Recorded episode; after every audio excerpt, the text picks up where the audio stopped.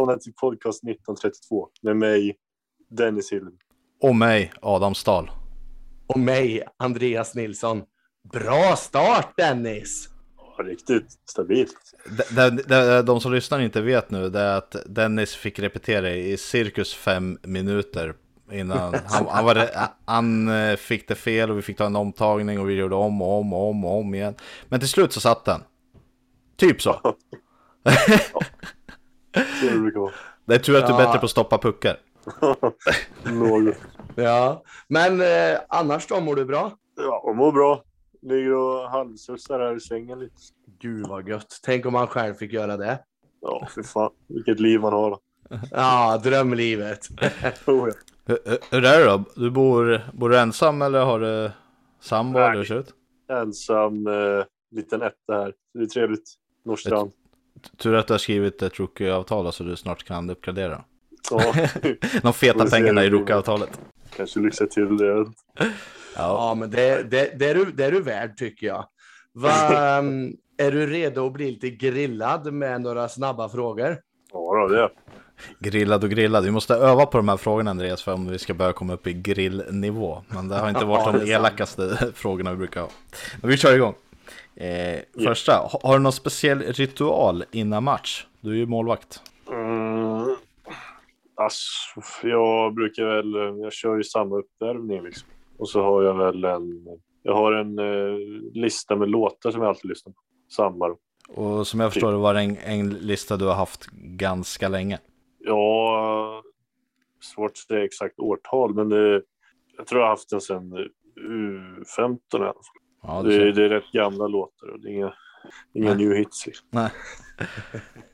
Ja, ålder? 20, fyller 21 i år. Du, du, du, du tvekar redan och du är bara 20. Vänt, vänta tills du kommer upp några år till kan jag säga. Favoritfärg? Uh, jäklar. Blått då kanske. Och om du inte vore hockeyspelare, vad skulle du syssla med då? Ja, ja, det är, alltså- jag har väl eh, förmodligen gått universitet nu tror jag. Min ålder nu. Alltså. Är det något speciellt du känner att du skulle ha siktat in dig på då? alltså nej, jag har inte haft någon vilja alls utanför hockeyn liksom. Jag hade nog, jag hade nog inte blivit så bra. Ja. Inte hade blivit Eh, vad kör du för bil då? En Ford Kuga 2010. Ja. Eh, kör du ofta ner i diket? Nej, det händer nog någon gång. Hittills bara en gång. Förhoppningsvis inga fler gånger. Vi Eh, får vad, vad blir det då? En gång per år då i snitt? Ja, nu ser jag det. Ja. Och vad har du för favoritsyssla utanför hockeyn? Ja. Jo, nej, så jag hittar inte på så mycket. Jag är väldigt dålig på det. Ligga och slagga i soffan? Ja, kolla mycket Friends. Ja. Ja. Mm, Har du varit med om något slagsmål på plan? Mm, nej, inte som jag varit delaktig i. Men... Jag, inte, jag hade ju, när jag var väldigt, ung så hade lite damp. Så jag kunde hamna i sådana situationer, men då fick jag ju rejält mig själv och föräldrarna. Så då blev det inget mer. Försöker hålla mig lite instängd på plan. Ja. Jag har faktiskt fått lite en insider att det kanske var en litet incident. Och det var när du var väldigt ung faktiskt. Eh, ja. Hur, hur nervös är din mamma vid matcherna nu för tiden? Ja, hon är väldigt nervös. Jag inte, hon, hon har såg knappt någon match live i J20. Då. Hon säger att hon håller på att få en eller hjärtattack då när hon kollar. Och så nu senast, eller ja, de här matcherna jag spelar i A-laget har hon aldrig sett live. Hon kollar på dem efterhand. Exakt. Jag, jag, har hört, jag har faktiskt hört det vet du. Eh, hon får lite rapporteringar istället. Ja, jäklar. Så Hon kollar 10 sekunder här mot eh, Linköping hemma. Det var det första de såg med liksom på plats. Hon såg introt av. Ja, Ja, det är härligt. Eh, ja, det var egentligen ingenting mer där. Jag ska bara avsluta med att jag är till att börja med lite besviken över att du var med i NVTs podd. Vi hann ju göra klart Jaså? att du skulle vara med i podd och sen i våran podd och sen dagen eller dagarna efter då bara dong så var du med i NVTs podd. Bara, "Ha, Tack för den tänkte vi. Ja, Jag kör, jag kör allt nu. ja nej, men det är bra. Det är Frå, bra. från okänd till poddkändis nu. Poddkung. Det gäller att passa på, tänker jag. Ja, det är klart. Men eh, om vi ska glida in på din egen karriär då. Från Timrå till Färjestad, Färjestads organisation. Eh, förra säsongen oerhört speciell. Den blev ju stoppad. Du opererade dig. Hur, hur gick tankarna då? Liksom? Var du någon gång nära på att sluta eller var det så här, jag ska fan mig ta tillbaka? Sluta var jag aldrig nära. Det skulle jag verkligen inte säga. Nej. Eh, Men sen var det ju var väldigt oklart vart jag skulle spela. Så det är klart, det, det var väl lite jobbigt på så sätt att jag kände att det blev ett hinder på vägen. Men sen så fick jag möjligheten att vara kvar här i Färjestad och då såg jag ändå hoppet. Liksom. Det är klart, jag satt inte och tänkte att nu jävlar ska jag ta mig upp i A-laget på en gång. det var inte något jag prioriterade. Utan, men eh, kände ändå liksom ett stort lugn att jag fick vara kvar här och att de ändå visar förtroende och försöker hitta en klubb allt eftersom. Men Ja, jag hade ju för det- in mig på division 1-spel liksom, så det blev ju lite bättre för mig. Ja, det kan man ju lugnt säga. För det, du börjar ju i 20 i år. Eh, hur var din känsla när de ringer till dig och säger hej, du ska upp i A-laget som andra målvakt? Hur, hur gick Eh, tankarna då liksom? Ja, det var roligt. Var det. var precis var första januari tror jag. Jag var lite trött då. Men, men, det, var, ja, det var jättekul. Jag hade, jag hade tränat någon vecka innan med dem. Och så. Och det hade ju inte gått så jäkla bra om jag ska vara ärlig. Så det var lite nervigt. Men, men det var skitroligt. Alltså. Ja, och sen eh, fick du ju debutera Växjö borta. Hur, Mm. hur var liksom känslan? Shit, nu är jag i SHL. Jag står i mål i SHL för första gången liksom. Var, var du Mm. nervös eller hur gick tankarna då? Det är klart det var, det är klart det var pirrigare. Liksom. Det, jag skulle inte säga att jag, tanken gick så mycket annorlunda, men det var någon speciell känsla. Liksom. Lite nervösare bara, men med allt runt omkring, massa kameror överallt och skit. Sen var det inte så mycket publik då, så det hjälpte väl en aning. Jag tänker på att det var första matchen.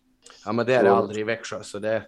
Nej, men det de inte in mer än två tusen. Ja, exakt. Men ehm, sen har vi ju... Du var ju med om ett tränarbyte mitt i allt och så får Mm. du reda på att du ska stå Frölunda Mm. hemma. Nya tränarens första match. Du håller nollan inför mer eller mindre fullt Löfbergs arena. Ja, det var gött. Det var en bra start. Helt okej start. Eh,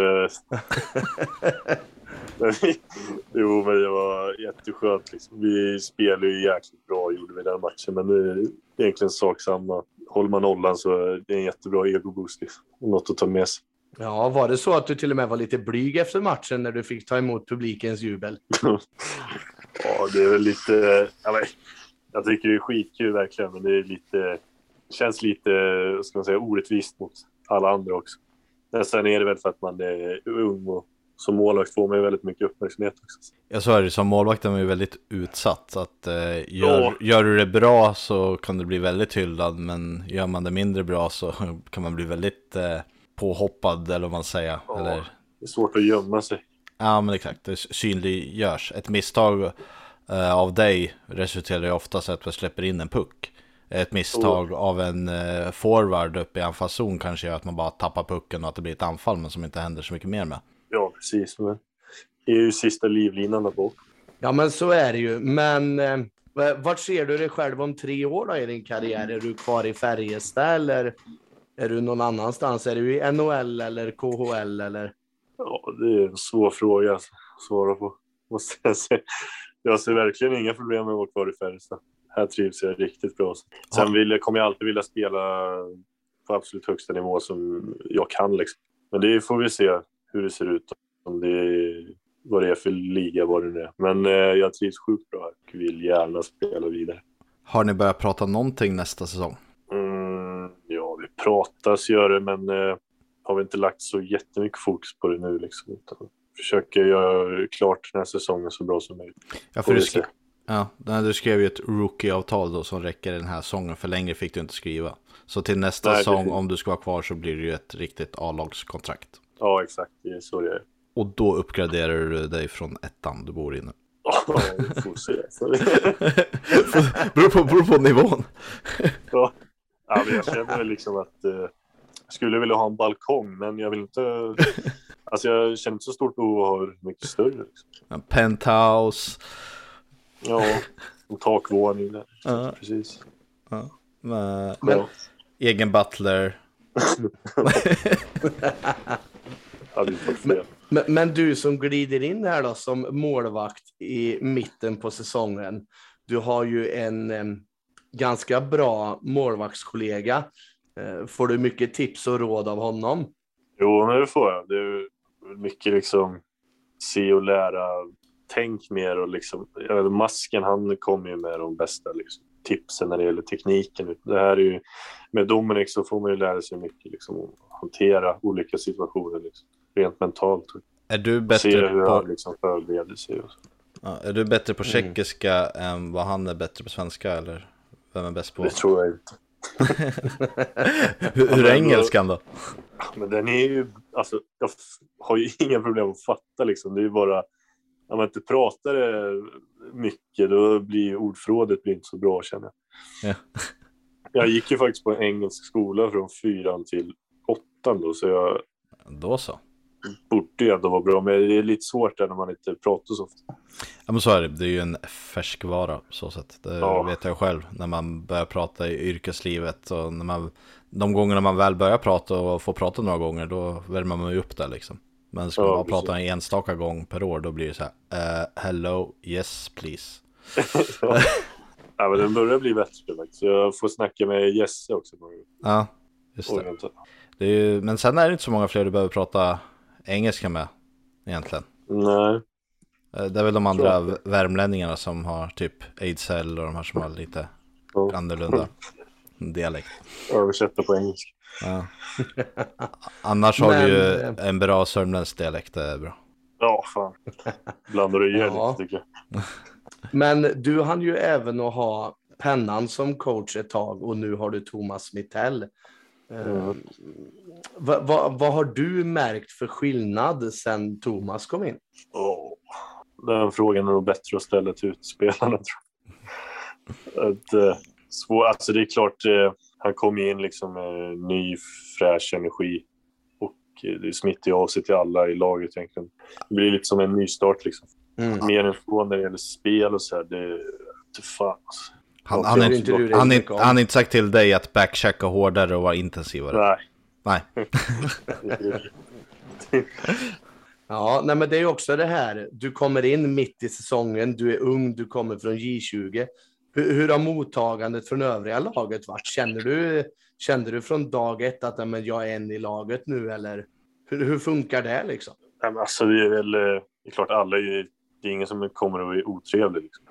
Men när han, man får väl liksom förtjäna sin respekt lite, känns det som. Det är ändå en proffsmiljö man befinner sig i och på något sätt måste man ändå visa att man hör hemma där liksom.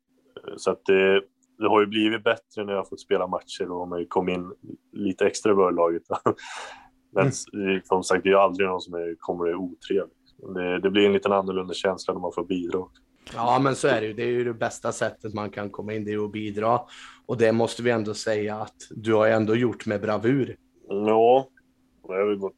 Senaste matchen var lite sådär, men så annars så... Ja, för innan, ja, men jag håller med. Innan den matchen, då, det var ju första, första målutsättningen mot Växjö som ha- hade Mm. en lite bättre. Men i övrigt, fram till sista matchen då, som du stod, då eh, jag har haft kontakt med en som har god känning om vem du är. Därav jag hade några av de där inside-frågorna där. Men, eh, men då har det just varit det där att du har liksom inte släppt in någon egentligen du kan lastas för. Utan du har verkligen Nej. tagit det du ska göra, plus lite mer i vissa tillfällen. Så det Ja, var, det är väl så, så man vill att det ska vara. Liksom. ja. Jo, för det, om- inte ens de bästa målvakterna i världen tar ju alla puckar liksom. Nej, så är det. Ställ eh, Vasilevski i Färjestads mål och han skulle inte hålla nollan alla matcher.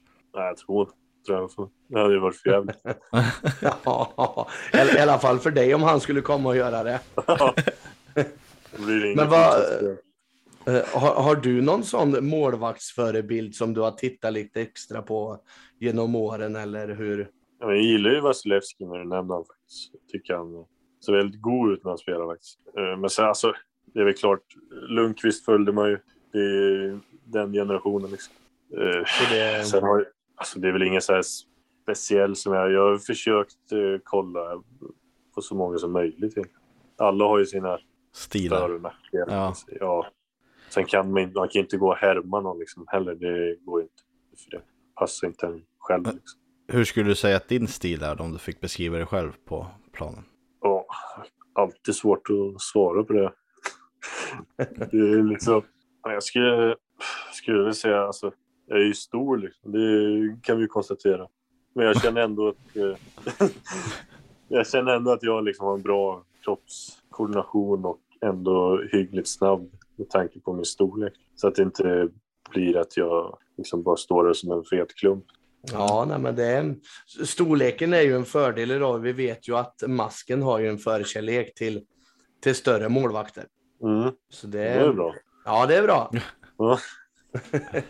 Nej men såklart Men, det finns eh, en, en, en fördel i, i grund och botten och man ska stoppa puckar och stå i vägen så är det såklart att desto mer, desto mer man kan bidra i ren storlek så underlättar det till första. Men det är som du säger, Ja, många gånger så kanske man tappar då i lite snabbhet och så vidare. Det är mer, mer muskler, eh, mer Mm. massa som ska röras. Ja, men där tycker jag ändå jag har en bra balans just nu. Så jag får inte bli för tung bara.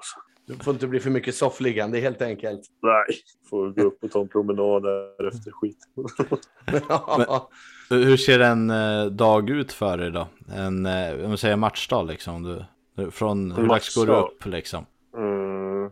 Vi brukar ha samling, vanlig match då vid sju, så brukar vi ha samling vid tio tiden.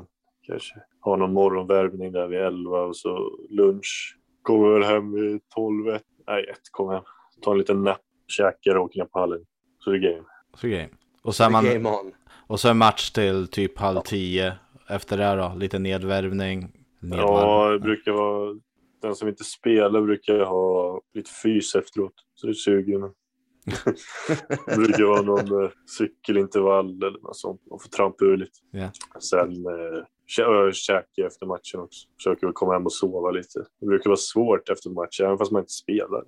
Konstigt. Man är väl inne lite i det ändå liksom. Ja, det är så jäkla hög- högljutt. Ja, när, du, när det är hemma ja. Ja, precis. Ja, nej, men det, det, det är väl tur att det är högljutt istället för att det är stendött. Ja, det är skönt. Det är roligt. Ja. Om vi ska gå tillbaka lite mer till du var ung då. När förstod du att fan, jag är bra på det här. Jag ska verkligen satsa på det här. Mm, ja, alltså jag har väl alltid, känner jag, satsat liksom. Det är tack vare, det är väl ändå mina föräldrar liksom som har pushat mig till. Och hur lite så jag är uppväxt liksom. Att ge 100 procent hela tiden och tro på det man gör. Liksom. Sen fick ju, jag fick mycket beröm fick när jag var ung liksom. Så det hjälpte ju såklart.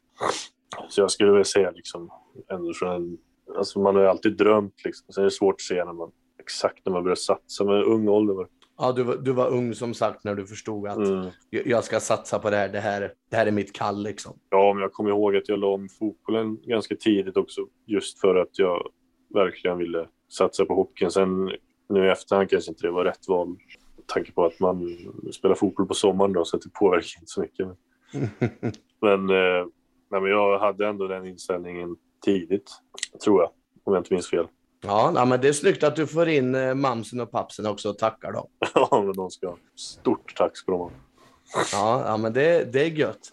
Men du, eh, till den viktigaste frågan då, det här avsnittet. Som, det är så många som undrar det här. När målar du masken? Mm. Ja, lite dilemma här nu. Jag körde ju första gången målad mask Linköping. Då. Och det gick ingen Det gick ju inget bra. Nej. Att jag tänker att jag kommer nog inte måla masken den här säsongen. Sen blir det fortsatt och ska jag ta mig en funderare. Nej, men blir det förlängt så är det klart jag kommer måla mask. Men eh, tror jag håller vitt den här säsongen. Du kör vitt resten av säsongen. Då kan vi ta död på alla rykten här alltså att du Ja, men- kommer inte måla masken i år. Nej, som det ser ut nu så kommer jag inte göra det. Är lite vidskeplighet, vidskeplighet bakom det här alltså. Ja, men något var det som inte stämde. Så det kanske var det, jag vet inte. Nej, för, var... nej, men det var, det var just det att, som du säger, att den var... När du väl hade den då lila-gul där, i lila-gula matchen. Eh, Ja. Så gick det lite sämre, så jag var inne på det att det kanske inte var så bra att måla den. Nej. Mycket med vita mask. Men vad, vad har du för drömmotiv på mask då? Hmm, ja, jag vet inte. Man vill gärna ha något personligt, liksom, något coolt. Så. Får väl tänka ut någonting där. Jag, just nu tänker jag väl liksom att man har en vit mask inmålad i mask. Ah. Ah, ja, absolut. Jag ändå behåller den där vita masken fast Mm. den är lack. Du, du gillar den vita masken alltså? Ja, jag tycker den är lite cool. Det är ju det. Det är lite coolt att liksom bara köra mot strömmen och liksom inte ha någonting målat alls. Faktiskt. Det kanske inte är så jäkla snyggt men det är... Nej, det är inte snyggt, så- men det, det blir så här fulsnyggt liksom. Ja, precis. Så jag brukar beskriva mig själv. Ja, fulsnygg. Fulsnygg. Hej, hej, jag heter Dennis. Väldigt lång och fulsnygg.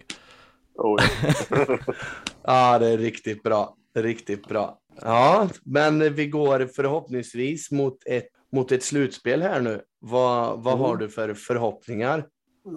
Ja, det skulle vara kul att lira någon match i slutspel, självklart. Men eh, jag tror det är ganska uppenbart vem som är utpräglad etta just nu. Det är inte mer än rätt då, såklart. Men eh, jag hoppas ju att vi går så långt som möjligt, självklart. Alltid roligare att vara med i ett vinnande lag. Men vi säger att ja, men Furs går sönder och så säger de du är etta i slutspelet nu. Han är borta tre veckor. Mm. Ja, då är jag inte mer jag är redo för det, ska jag säga. Det kan man ju aldrig hoppas på, liksom, att någon ska gå skadad för det sådär. Men, men eh, det hade varit ballt. Du har, Det hade du har- varit coolt. Ja, du har en ganska bra... mm, Nu, den här säsongen är egentligen inte, och var inte det på förhand heller egentligen, utan det, det var ju mycket bara träna upp din kropp och komma in i och få spela lite och sådär. Nu får du ju förhoppningsvis, eh, jag tror att både jag och Andreas hoppas att du signar ett nytt kontrakt i nästa säsong. Och då kan gå, oavsett om det då blir i Färjestad eller någon annanstans, så kan du liksom ta ny, nytt tag då så att säga. Och du får liksom se och lära, plus spela såklart matcher. Så du, Ja. Precis. det är ingen som, även fast du nu, nu har du startat så bra så nu har du satt press på dig själv liksom. Ja, lite så. Nej, men det är klart, alltså, den här säsongen har ju gått över alla förväntan. Liksom. Det så att det, vad som än händer så har det gått mycket bättre än vad jag trodde att det skulle gå innan. Mm. Liksom, det är bara att tacka och bocka för den här chansen och försöka ta vara på det som du säger. Jobbar du med någon mental coach eller sådär? För målvakter brukar ju ha lite förkärlek till det extra. Mm, nej, jag gör inte det nu, men eh, har gjort det förut. typ. Ja. I gymnasiet ja, framförallt. Hade lite strul där, så tog jag lite hjälp. Men Ja. annars så har jag inte någon, inte någon som jag går till regelbundet. Liksom. En match när du sitter där på bänken då. Hur, vad, vad tänker man på egentligen som målvakt, som båsöppnare liksom? Följer man med, sitter man och tittar på spelet, sitter man och liksom vilar kroppen för att vara redo eller hur? Vad gör man? Ja, spanar väl upp på läktaren någon gång ibland. kan hända. så brukar jag vara på materialen och fylla på sportdrycken. Du sitter där Nej. med alla målvaktsskydd bara, hörru, fyll på, fyll på. Ja, och, och förresten, skicka hit en sportdryck till mig också, jag är törstig. hämta min snusdosa.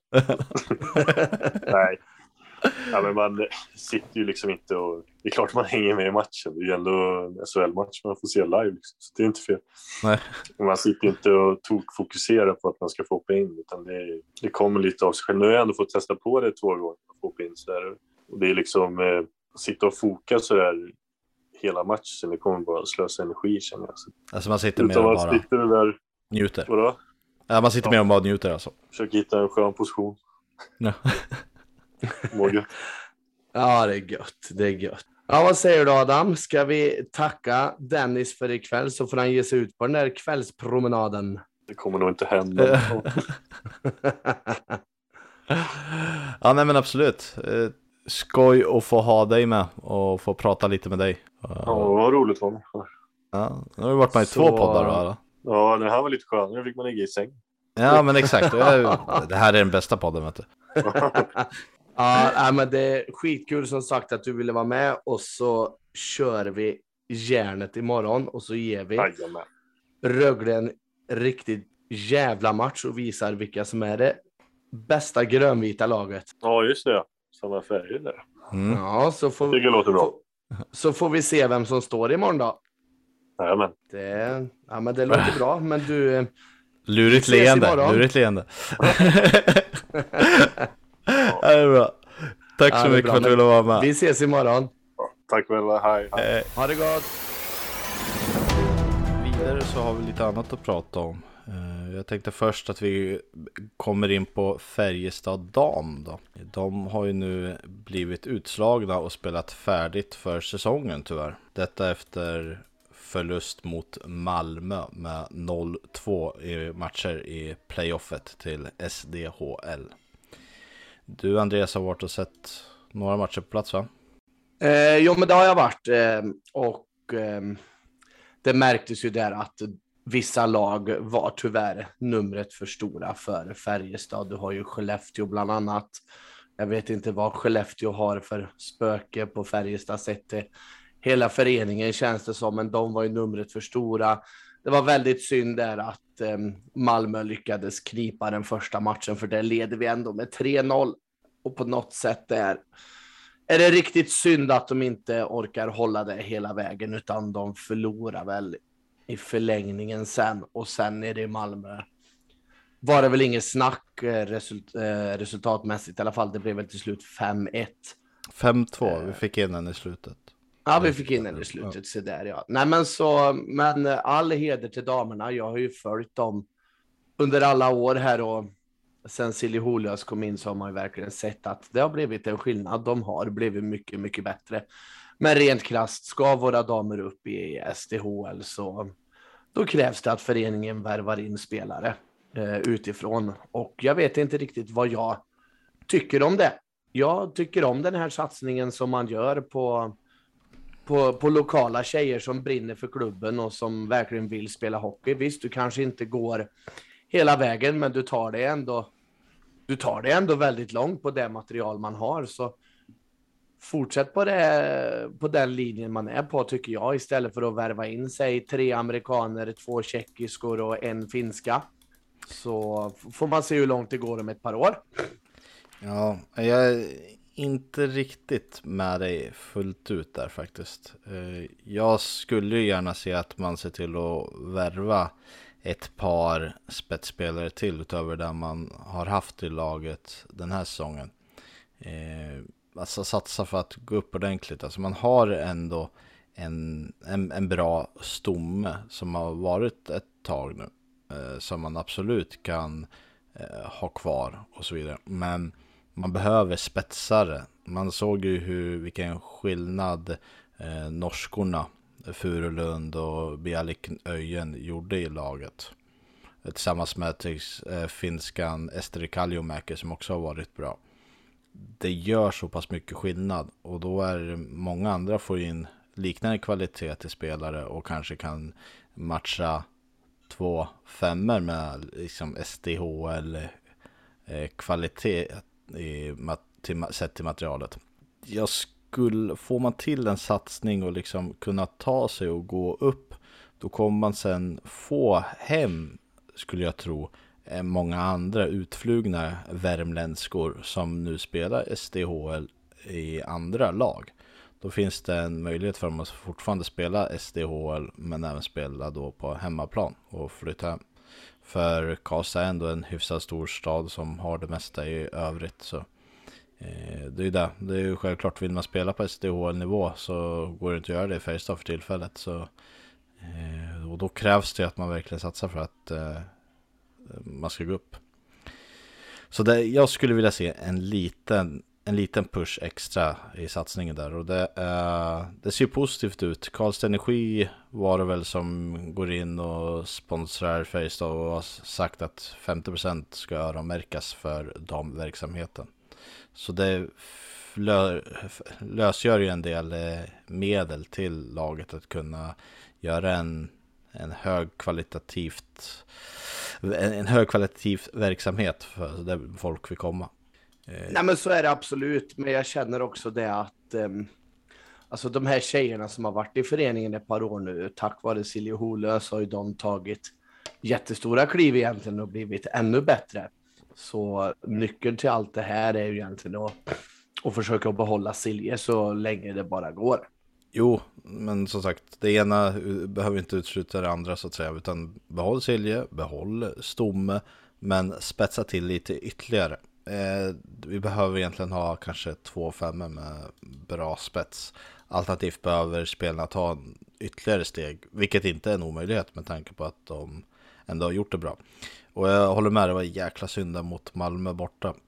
Jag trodde inte att Malmö skulle, eller Färjestad skulle rå på Malmö eh, på förhand, men när man hade, som du sa, en ledning i första matchen där så såg det ändå lovande ut. Bara, ja, skönt. Sen tror jag, eller jag är rätt säker på att Färjestad tyvärr inte hade haft en, en chans i kvalet upp. För Skellefteå är de som har varit rankade som etta. Eh, och jag tror ju att AIK som det nu blev, som valde först, hade valt Färjestad. Eh, och jag tror inte Färjestad hade haft någon chans. Vi lär nog se det nu när AIK möter Malmö, att Malmö kommer få det väldigt svårt. Skellefteå, det var det någon säsong man skulle vara bäst i och under, av lagen som kommer underifrån så här i år. För Göteborg har ju tappat alla sina spelare i princip efter turbulens i klubben. Det har gjort att till exempel spelare har gått till Skellefteå. För med några kom ju till eh, Färjestad också därifrån. Så uh, jag tror att Skellefteå... Ja, Fur Furulund kom ju från ja. därifrån. Ja, så, så jag tror ja, att eh, Skellefteå kommer vara laget som går upp. Eh, och det kommer inte bli lättare för nu storsatsar ju Frölunda med, på sitt damverksamhet inför nästa säsong. Och värvar ju in topp toppspelare. Det sägs ju att eh, både Karvinen och eh, Hanna Olsson ska vara klara för klubben. Eh, man har Kim Martin eh, som sportchef. Alltså det är, det är en rejäl satsning de gör. Och Erika Holst är väl som är tränare. Så ja, det, det kommer inte bli lättare nästa säsong. Eh, det kommer vara nog starkare som man slåss med eh, i, i, i botten så att säga, det underifrån. Men ja, det, det är bara att kämpa på. Det, det, det är för stor skillnad fortfarande. Men sen tycker jag det är positivt med det här nya spel. Vi har, Färjestad har fått spela många fler kvalitativa matcher den här säsongen hela slutet har ju varit mot motstånd som ändå har gett, som har gett motstånd om man säger så. Ja, eh, helt enig i det och det är ju faktiskt det som gör att man utvecklas. Du utvecklas inte av att spela 20 matcher där eh, 18 matcher av 20 vinner du med 10-0 och skotten med 53-3. Sen spelar du fyra matcher med kniven mot strupen där det är riktigt tufft motstånd. Det, det ger liksom ingenting så, nej men bra, bra mycket bättre upplägg i år. Eh, så som det har varit och det, det gör också att det är roligare att gå på damhockey när det blir tajtare matcher, det blir jämnare. Istället ja. för att gå på en match där det liksom blir det här 52-2 i skott och eh, 10-0 efter två perioder. Jag förstår det. Oavsett hur kul det är om vi tar till här laget om de vinner med 5-1. Ja, visst det är väl kul att vinna stort, men i slutändan är ju de roligaste matcherna är ju när det är jäkligt jämnt och man fightas hela in i slutet så länge man vinner. Det är ju de, ja. det, är det som är roligast att titta på och uppleva. Och en stor grej sen senast eh, och det är ju att pennan har ju lämnat och in har vi fått Thomas Mittell. Vad har du sett för skillnader eller vad har du fått för reflektioner som du har sett från både spel och Mittell i sig? Eh, ja du, det är ju en väldigt stor fråga. Först och främst skulle jag vilja tacka Johan Penneborn för de åren när han har gjort i Färjestad. När han kom till Färjestad så var vi en förening på lite halvdekis. Vi var ett men ett litet mittenlag, vi spelar ganska tråkig hockey. Eh, han kom ju in och det blev en väldigt fartfylld hockey. Det blev en rolig hockey att titta på framför allt. Visst, det kanske var lite, lite raggarhockey. Du kunde vinna matcherna med 6-5, 7-5, men det var ju mycket mål och hallen blev full. Och, ja, men det, han gjorde att det blev riktigt roligt att gå på hockey igen. Sen är det ju så, fjolåret, nej, det var inte Färjestads år. Eh, och i år så, det har ju knackat emot. Det har ju inte gått vägen. Så att den här förändringen, den, den, blev ju nödvändig för han hade ju tyvärr kört fast. Han kom inte längre och droppen blev ju Skellefteå hemma. Ja, men eh, innan jag kör vidare så håller jag med om att eh, Pennan har gjort jättemycket. Jag kommer ihåg så väl hur ja, det var, det var ett, vi var ett då, dåligt och tråkigt lag. Eh, vi slutade sjua och åkte ut i kvartsfinal då, det året eh, Leffe körde sista och sen kom pennan in. Helt plötsligt gjorde vi 40 mål fler på en säsong och slutade fyra. Eh, året efter så slutade vi ett etta, slutade vi tvåa. Så det var liksom tre faktiskt ganska bra säsonger där och vi gjorde flest mål av alla. Sen var det ju förra säsongen då vi slutade åtta som var första, eh, vad säga, rikt, ja, första sämre säsongen egentligen. Och i år har det väl lutat lite åt liknande, eh, liknande poängsnitt som förra säsongen och så. Så ja, det, till slut så gick det inte längre helt enkelt och eh, nu när vi hade Mittell klar på ett kontrakt som det redan var så absolut. Hade man eh, sparkat honom och tagit in eh, säg Peter Andersson eller Roger Melin eller eh, ja, någon som bara hade varit för säsong resterande säsongen då vet jag tusen om jag hade hållit med. Men nu när Mitell ändå var klar. Man hade ju ett, eh, en överenskommelse om att han skulle kunna komma in om det var så att saker och ting inte stämde. Eh, så har jag fattat det. Jag har hört rykten om att det var planerat att han skulle komma in oavsett. Men utan det, det handlade om att skulle det vara så att man inte får något resultat man fick, då skulle han få möjlighet att få komma in. Vilket man nu drog den livlinan om man säger så. Ja, och eh, måste ju ändå ge Thomas Mittell den att det är, eh, det är ändå bra stake och hoppa in med nio matcher kvar och eh, eventuellt sen ett slutspel då, om det blir topp sex eller om det blir play-in. Eh, det är inte alla som hoppar på det uppdraget för att sen fortsätta nästa säsong. För jag menar, säg att vi hade totalfloppat nu då och, och haft fem raka torsk. Det, då hade han ju direkt fått jobba i motvind nästa säsong. Jag tycker inte det. Jag har hört det, det är fler som har sagt det. Men jag tycker ändå inte att det är så jäkla modigt ändå. Eller alltså, modigt såklart, men så jäkla anmärkningsvärt tycker jag ändå inte det. Han har ju egentligen, han kommer in i slutet av säsongen. Han hinner liksom inte påverka någonting. I några större grejer. Så hade det inte gått bra så hade det ändå inte varit hans fel kan jag tycka. Han har ju liksom snarare saker att vinna. För varje position han klättrar, för varje steg han eventuellt tar oss vidare, kvartsfinal, eventuellt semi och sådär, är ju liksom bara plus.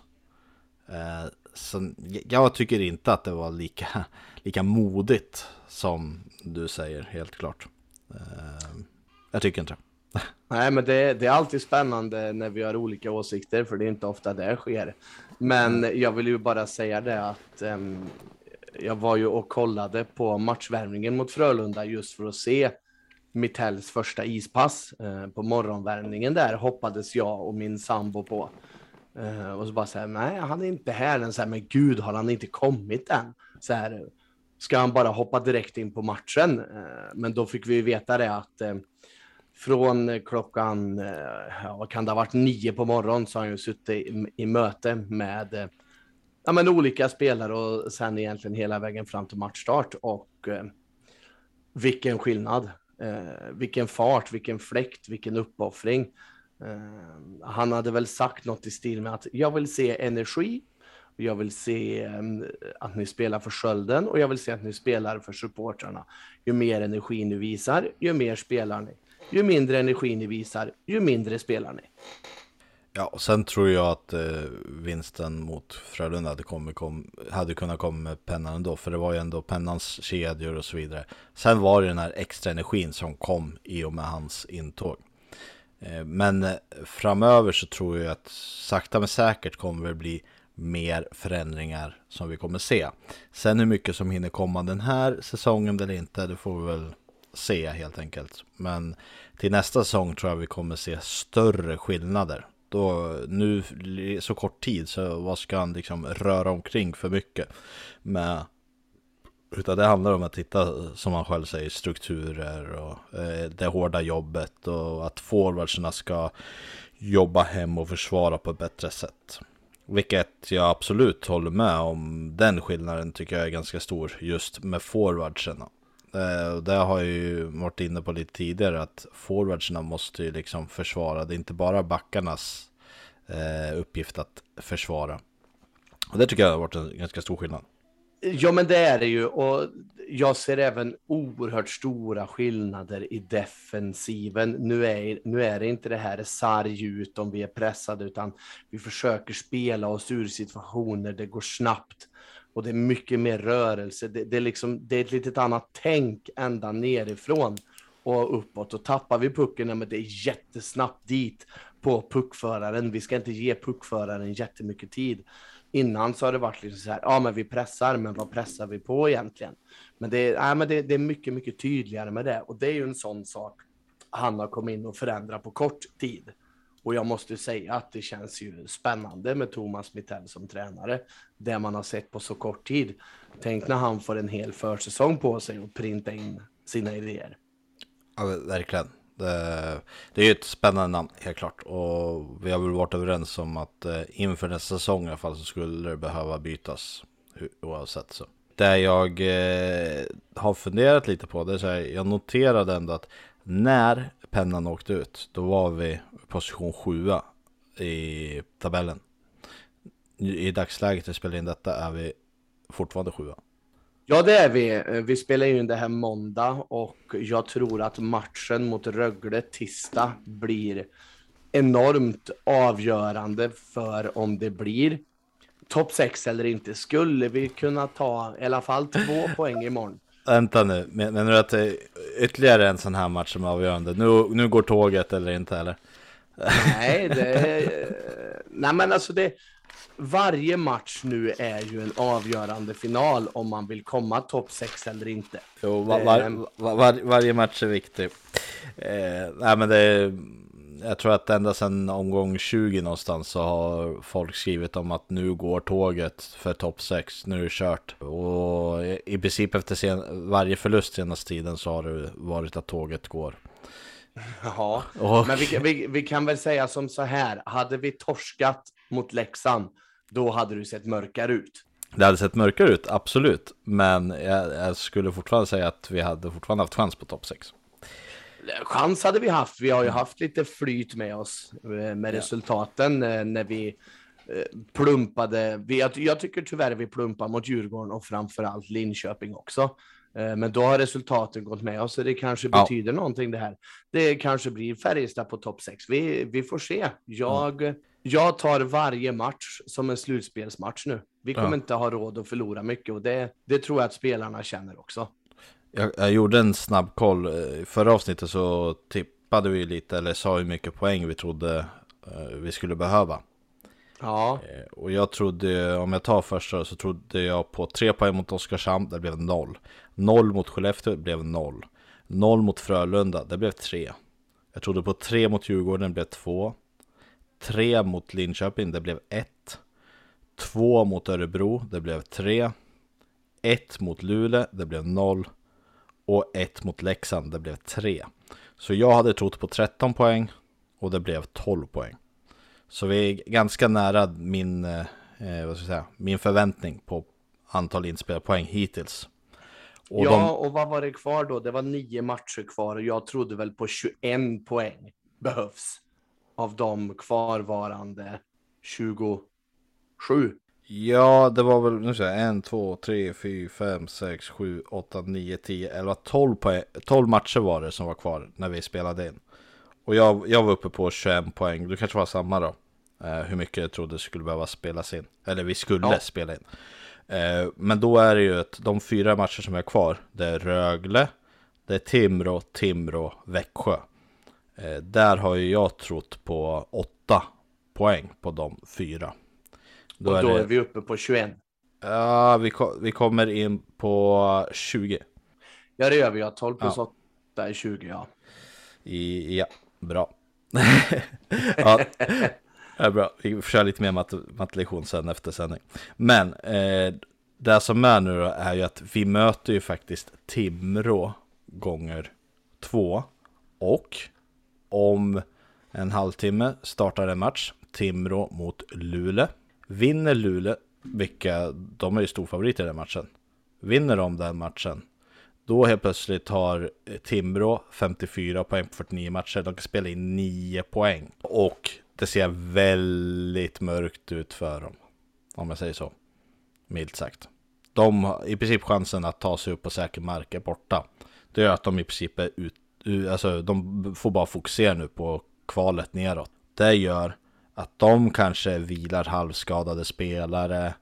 De är ett mycket sämre lag. De är sist av en anledning. Så Färjestad har superläge att ta eh, sex poäng på de matcherna. Det är en jäkla fördel. Eh, sen mot Rögle då imorgon. Ja, den är svår. Det är serieledarna vi möter. De stora Almighty Champions Hockey League Champions. Eh, och sen sista matchen vi har, då möter vi Växjö. Det kan vara, eh, där pratar vi, den kommer vara avgörande om vi kommer femma, sex eller sjua tror jag. Ja, det... Det kommer vara en placeringsmatch hur som helst, det tror jag. Ja, där, det, där, det, där ja, men det kommer har, det vara. Vet du, där har vi världens möjlighet att kanske kunna lägga oss och möta Rögle eller Frölunda istället för Luleå eller Skellefteå. Vi har mycket svårare för Luleå och Skellefteå. Vi har världens möjlighet att kunna göra en läggmatch. Spännande. Ja, alltså så, så, ja, men som du säger, jag tar ju hellre eh, Frölunda eller Rögle än Skellefteå och Luleå. Skellefteå är ju superdåliga för tillfället. Men eh, om jag känner Skellefteå rätt så kommer de ändå vinna mot Färjestad om vi möter dem. Så. Ja, men deras form talar ändå emot dem nu. De är på väg neråt i formen och det är ju helt fel läge att tappa form. Ja, helt klart. Ja, det blir spännande, men förhoppningsvis så tappar de jättemycket form och typ inte ens går vidare från kvartsfinal.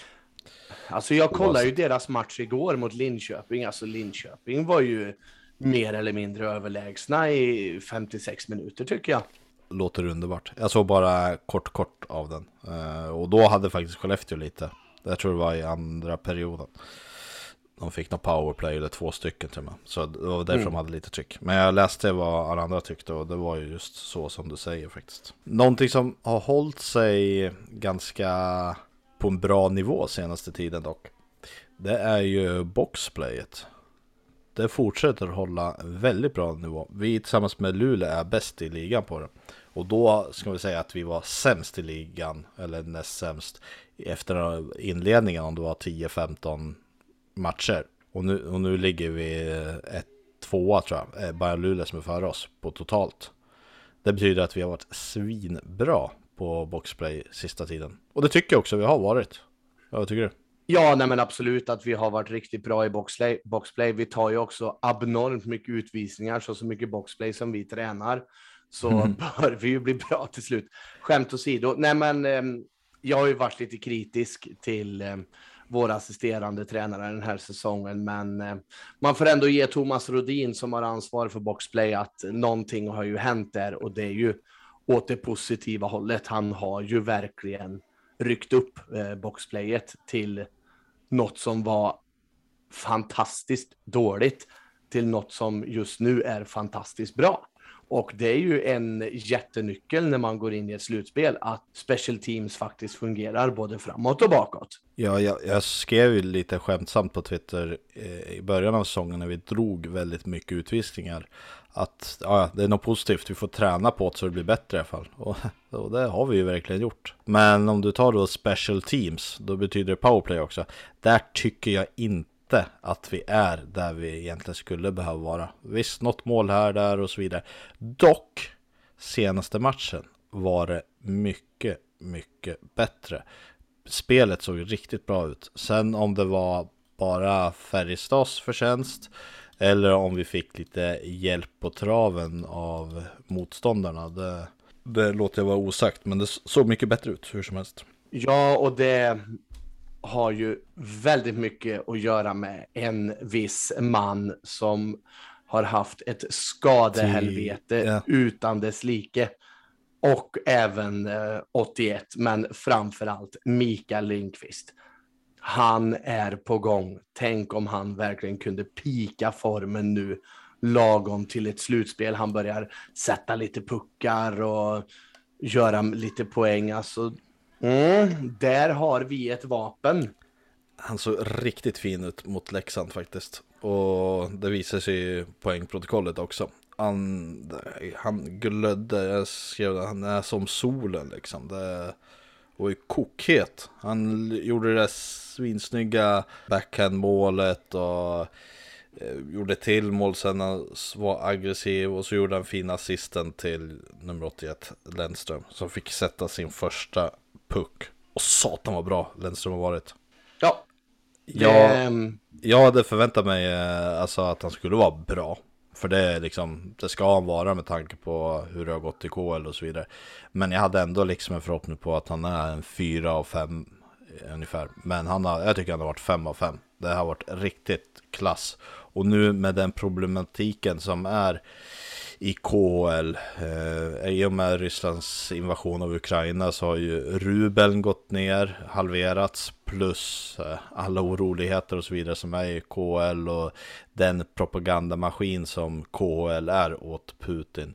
Så kan jag ju hoppas att vi kan vara där och prata med Lennström och kanske få honom att skriva på för kommande säsong. Det vore ju riktigt, riktigt fint. Ja, alltså med tanke på vad som händer i Ryssland så känns det ju som att det är inte många som kommer spela KHL nästa år. I alla fall inte de som har nationaliteter. Sverige, Finland och så vidare och så vidare. Sen det är klart att Schweiz, det är mer pengar. Men alltså skulle Theodor Lennström vara intresserad av att stanna? Lasta då. Det är ju Mm. det, det är bara lasta. Eh, Jag håller med. så- Han, så, som du sa förut, Delaros försvinner ju. Det kan vi komma in på mer senare, men han är ju inte billig. Det, lasta då. Ge han det han vill ha i två år. Nej, det, vi kommer ju se rätt många. Det är ju så att Schweiz, de utökar ju sin liga med fler platser. Eh, Jakob Delaros då lämnar till Schweiz. Vi frigör pengar där. KL, som jag sa, Ruben halveras. Ingen kommer, eller knappt några kommer vilja spela där troligtvis. Eh, och i och med att rubeln halveras, det betyder att lönerna halveras. Skillnaden mot SHL blir inte så stor. Alla säger ju det att åker man till KHL då är det inte för någon utmaning eller bättre liga utan det är för pengarna man åker dit. För att säkra sin framtid i stora delar. Så den fördelen försvinner ju nu. Och jag tror vi, alltså SHL säsong, nästa säsong, säsongen 22-23. Det kommer krylla av bra spelare. Det kommer vara som en liten mini-lockout-säsong på ett sätt. Visst, det är inte NHL-spelare, men ändå. Sen kommer ett helt gäng troligtvis sticka till AHL och försöka på NHL fler än vad som kanske har gjort tidigare. Att testa där, för det, där är det ju lite mera sportslig utmaning så att säga. Men eh, helt klart tror jag att SHL kommer få sin del av kakan också. Ja, nej, men det är ju bara att hoppas. Och en sån som Theodor då, som vill spela i Färjestad, han trivs i Karlstad. Det är som sagt, har vi möjlighet att signa honom, gör det. Snacka om fem av fem värmning. Det är ju ja, men det, det är ju klass rakt igenom. Eh, all cred till eh, Rickard Wallin som lyckades ro det där i hand för att ja, han är ju hur bra som helst. Ja, Och, som du sa. Lasta, lasta, lasta. Ja, ja, nej, så det, det blir spännande. Men eh, ska vi glida in lite på Jakob de la Rose? Mm, vi kan gå in lite på lite silly och där hade ju Delaros. Eh, Mm. Det kom ju ut här officiellt till och med i och med att Schweiz är involverade och de gillar ju att gå ut i god tid med sina nyheter. Och då har de redan gått ut och presenterat att han faktiskt är klar för eh, Friburg var det va? Var det Friburg Eh, Gotteron? uttalas det inte Freiburg? Nej, då, då är du i, i sydvästra Tyskland. Där ligger Freiburg. Ja, ja. Då, ja, just det, så blir det ja. ja. Jag är inte så bra på de schweiziska namnen, men skitsamma. Um, jag, jag vet att du twittrade och skrev eh, tack så jättemycket. Jag, alltså jag håller faktiskt inte med om det där. Du, du vill inte tacka honom, du tycker inte han har tillfört någonting, okej? Okay. Uh, han har tillfört saker, absolut, men alltså det som har hänt honom, det är en fruktansvärd tragedi. Det är så fruktansvärt hemskt det som hände med allt hans mamma. Jag förstår att han vill komma hem, vara närmare familjen. Men varför då skriva ett treårsavtal? Skriv ett år då och var öppen med att jag vill vara med familjen ett år, jag vill landa ett år och sen dra vidare. Skriv inte ett treårsavtal, för det, det blir bara falskt, tycker jag. Det, ja, oh, men med det, facit i hand. Det, det, finns ingen kärlek till klubben efter att ha dragit efter ett år. Hade han signat ett år, jag hade köpt det rakt av. För han är en duktig hockeyspelare.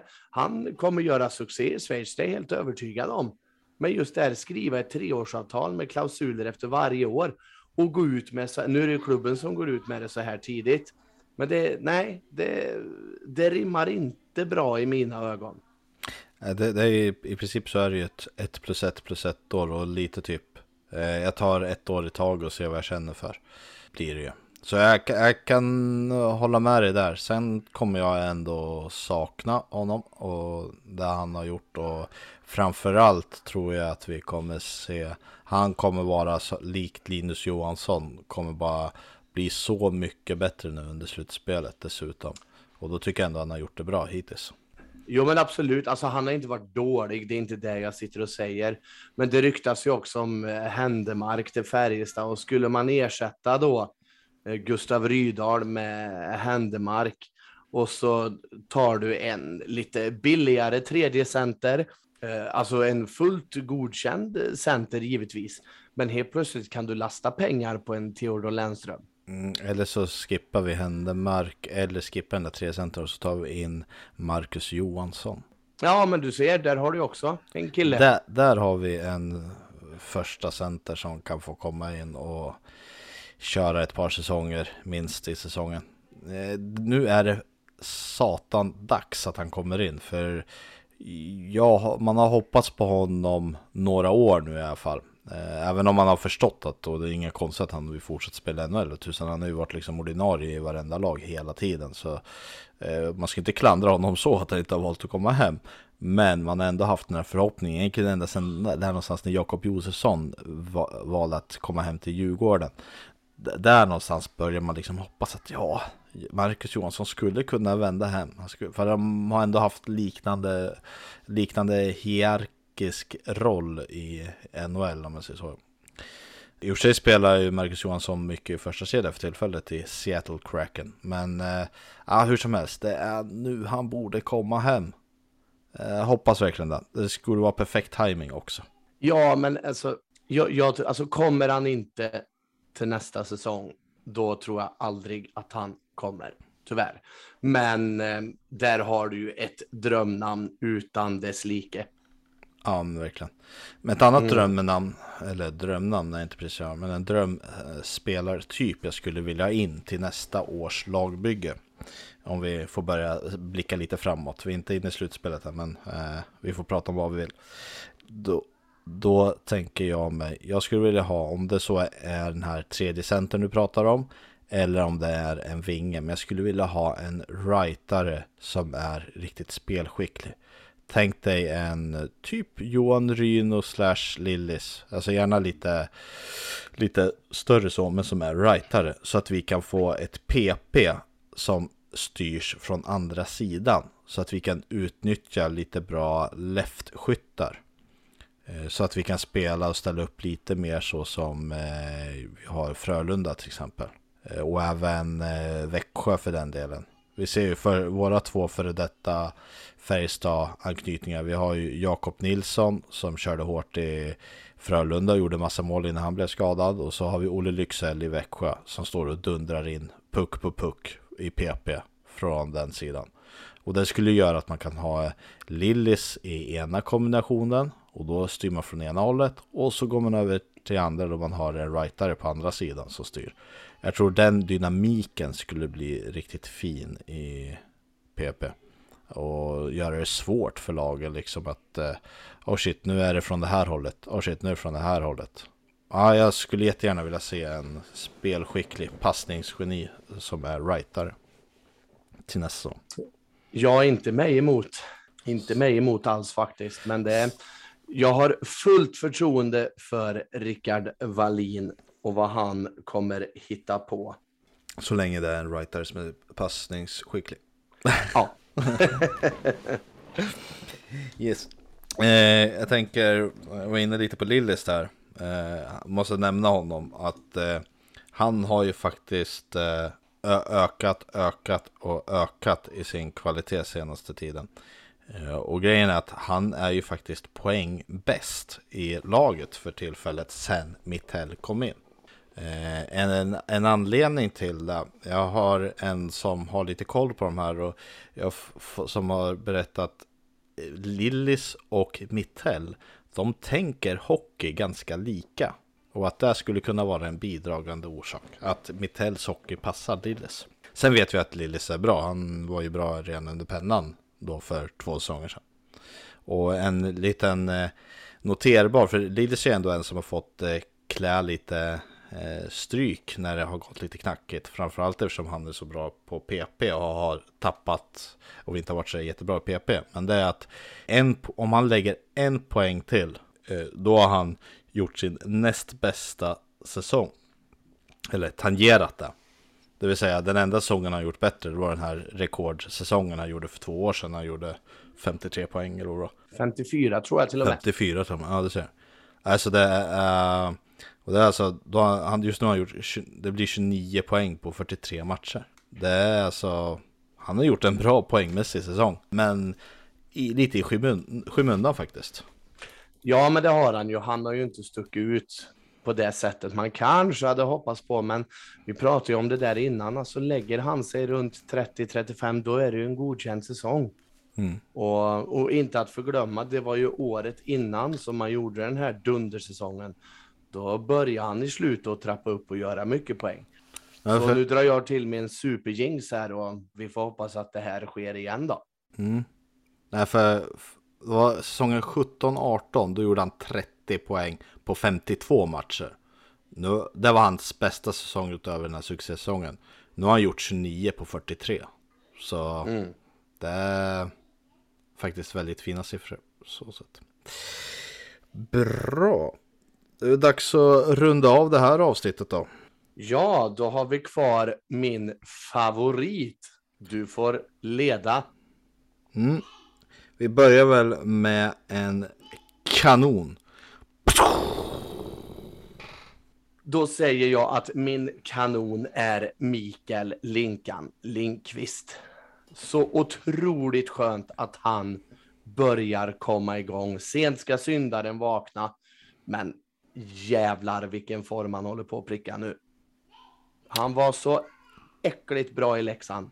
Nu hoppas jag bara att det håller i sig. Alltså jag, Linkan är ju en av, och har varit en av mina favoritspelare. Så jag är ju svag för rightare Eh, som snipers. Eh.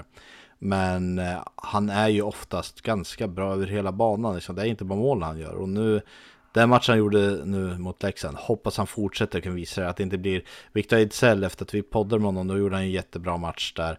Men sen efter det så föll han ju tillbaka. Linkan har ju en högre potential kan jag tycka och har, ju, har ju faktiskt snittat en poäng per match som man gör för tillfället nu i slutet av den här säsongen. Inte sett till hela. Så ja, han, förhoppningsvis så är han nu uppe på den nivå han ska vara. Och det kan bli riktigt, riktigt, riktigt bra. Det är ett sparkapital vi ändå haft där hos honom eftersom han inte har spelat så mycket.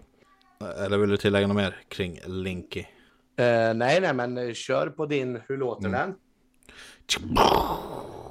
Nu fick du dubbla kanoner. Det var lite... Eh, eh, ja, eh, jag tänkte om du tar Linkan då tar jag hans bästis Theodor Lennström. Kanske Lennströms, tack vare honom som Linkan blir så bra för att han ha så mycket glädje. Nej, men jag var inne på att, i alla fall att eh, Lennström har ju överträffat mina förväntningar. Jag hade tänkt mig att han var en 4 av 5, men han har visat vara en 5 av 5. Sätter han både defensivt, sätter stopp i spel, tar pucks, dra, driver upp med pucken, eh, passar fint. Alltså han är ju, han fintar och är hur kylig som helst. Och som back så är han ju oftast ganska jag vill säga, siste man, eller nästintill siste man, när han gör de här dragningarna. Och, men man är aldrig nervös. För nu har han gjort det så många gånger så man vet att han inte misslyckas. Skulle han någon gång göra det misslyckat då är han där och räddar upp det själv. Liksom. Han är en, en riktig gigant. Och så följer han upp som han gjorde senast han var hos oss, som en forward många, många gånger. Och han spelade ju faktiskt forward minst någon match, kommer jag ihåg, senast han var här. Så, nej, riktigt, riktigt fin spelare som trots höga förväntningar har överträffat de förväntningar jag hade på honom. Yes, och då kör vi. En kalkon då? Det är din tur att köra kalkonen då? Ja, eh, jag vet att jag sa en annan kalkon till dig innan vi började. Nej, men du ska jag... köra kalkonen. Kom igen då. Jaha, du tänker så. Ja, kör då. Kör. Åh! Du, fan, du var ju bättre än mig. Nu är det du som får göra det framöver. ja, absolut. Eh, nej, men som sagt, jag har ändrat min kalkon här och eh, jag måste faktiskt skicka en känga till Färjestads ledning. Och det handlar så enkelt som att inför den här säsongen så var det bara snack om en enda sak. Det var guld, det var guld, det var guld och det var stå på torget. Jag tror inte att Färjestad BK kommer vinna guld i år. Vi måste lägga ner det här guldsnacket som vår nuvarande sportdirektör sa när han kom in. Vi ska inte snacka ett jävla skit, för vi har inte vunnit ett jävla skit. Och det, han har ju rätt i det. Du kan ju inte snacka innan du har vunnit. Så lägg ner med det pratet. Absolut att du ska sätta upp ett mål, men det tar du inom de berömda fyra väggarna. Sen är det upp till alla andra att sätta målet. Men nu när föreningen själva går ut med målet, det är inte konstigt att folk är förbannade och att det är fiaskostämpel på Färjestad i år när de själva har gått ut med att det var guld som gällde och att vi är ganska långt ifrån en topp fyra. Vi är ganska långt ifrån ett guld i år som det ser ut just nu. Sen visst, allt kan hända, men snälla Färjestad BKs ledning, lägg ner snacket om guld utåt. Du slår nog lite huvudet på spiken där faktiskt. För eh, jag har väl varit den som inte har varit så provocerad av det där. Eh, för visioner och mål måste man ha inom organisationer.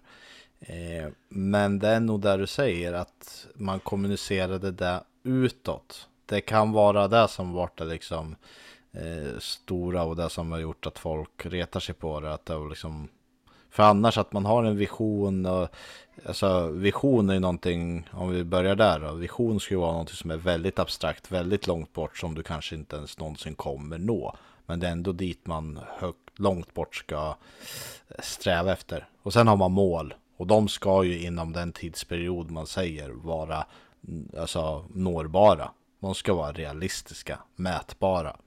Och ja, ett guld och några år sådär som det var är inte helt orealistiskt och ett bra mål så. Men samtidigt, som sagt, går man ut och säger bland alla, nej kanske inte. Och sen kan det ju också det där, det ska ju vara realistiskt och ja, guld är realistiskt men det är jäkligt svårt. Alltså det är många andra lag som har potential att vinna guld varje säsong och har samma liksom mål att vinna guldet. Så eh, det är svårt att nå. Ja, men det är det. Jag har inte re eller reflekterat över det här just det här, men det är precis som du säger. Det att man har gått utåt med det på det sättet. Det är nog det som har varit det, det stora biten. Har man hållit det inom väggarna så. Ja. Yes. Ja. Då och är det jag... dags för din. Ja. Sådär ja.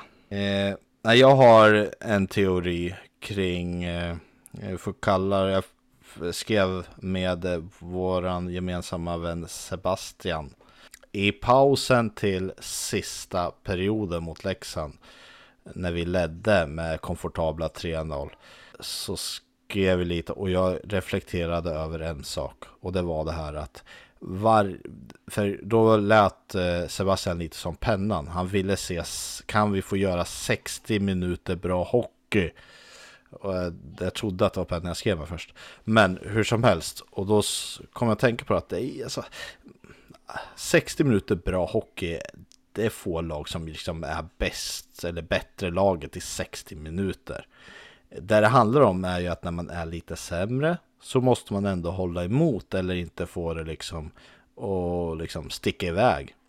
Men det Färjestad har haft senaste säsongen, det känns som att Färjestad har de här fem minuterna som är, ja, det, ja fem minuters kollapser nästan, alltså väldigt ofta.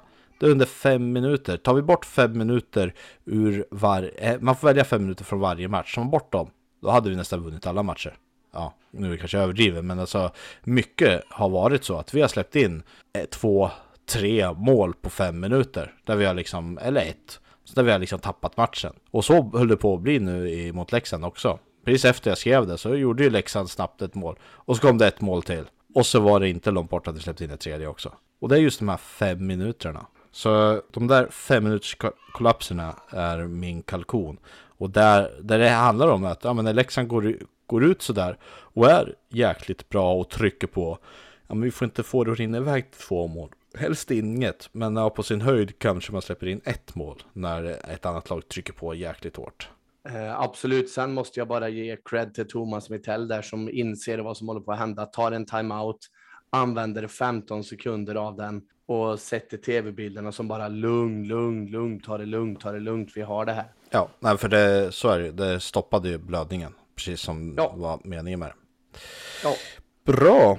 Eh, till sist så skulle jag vilja skicka ut en bonuskalkon, höll jag på att säga. En bonuskanon ska det vara till eh, din sambo Johanna och även till Henrik Toms som är de två som tillsammans hjälps åt att klippa det här, den här podden.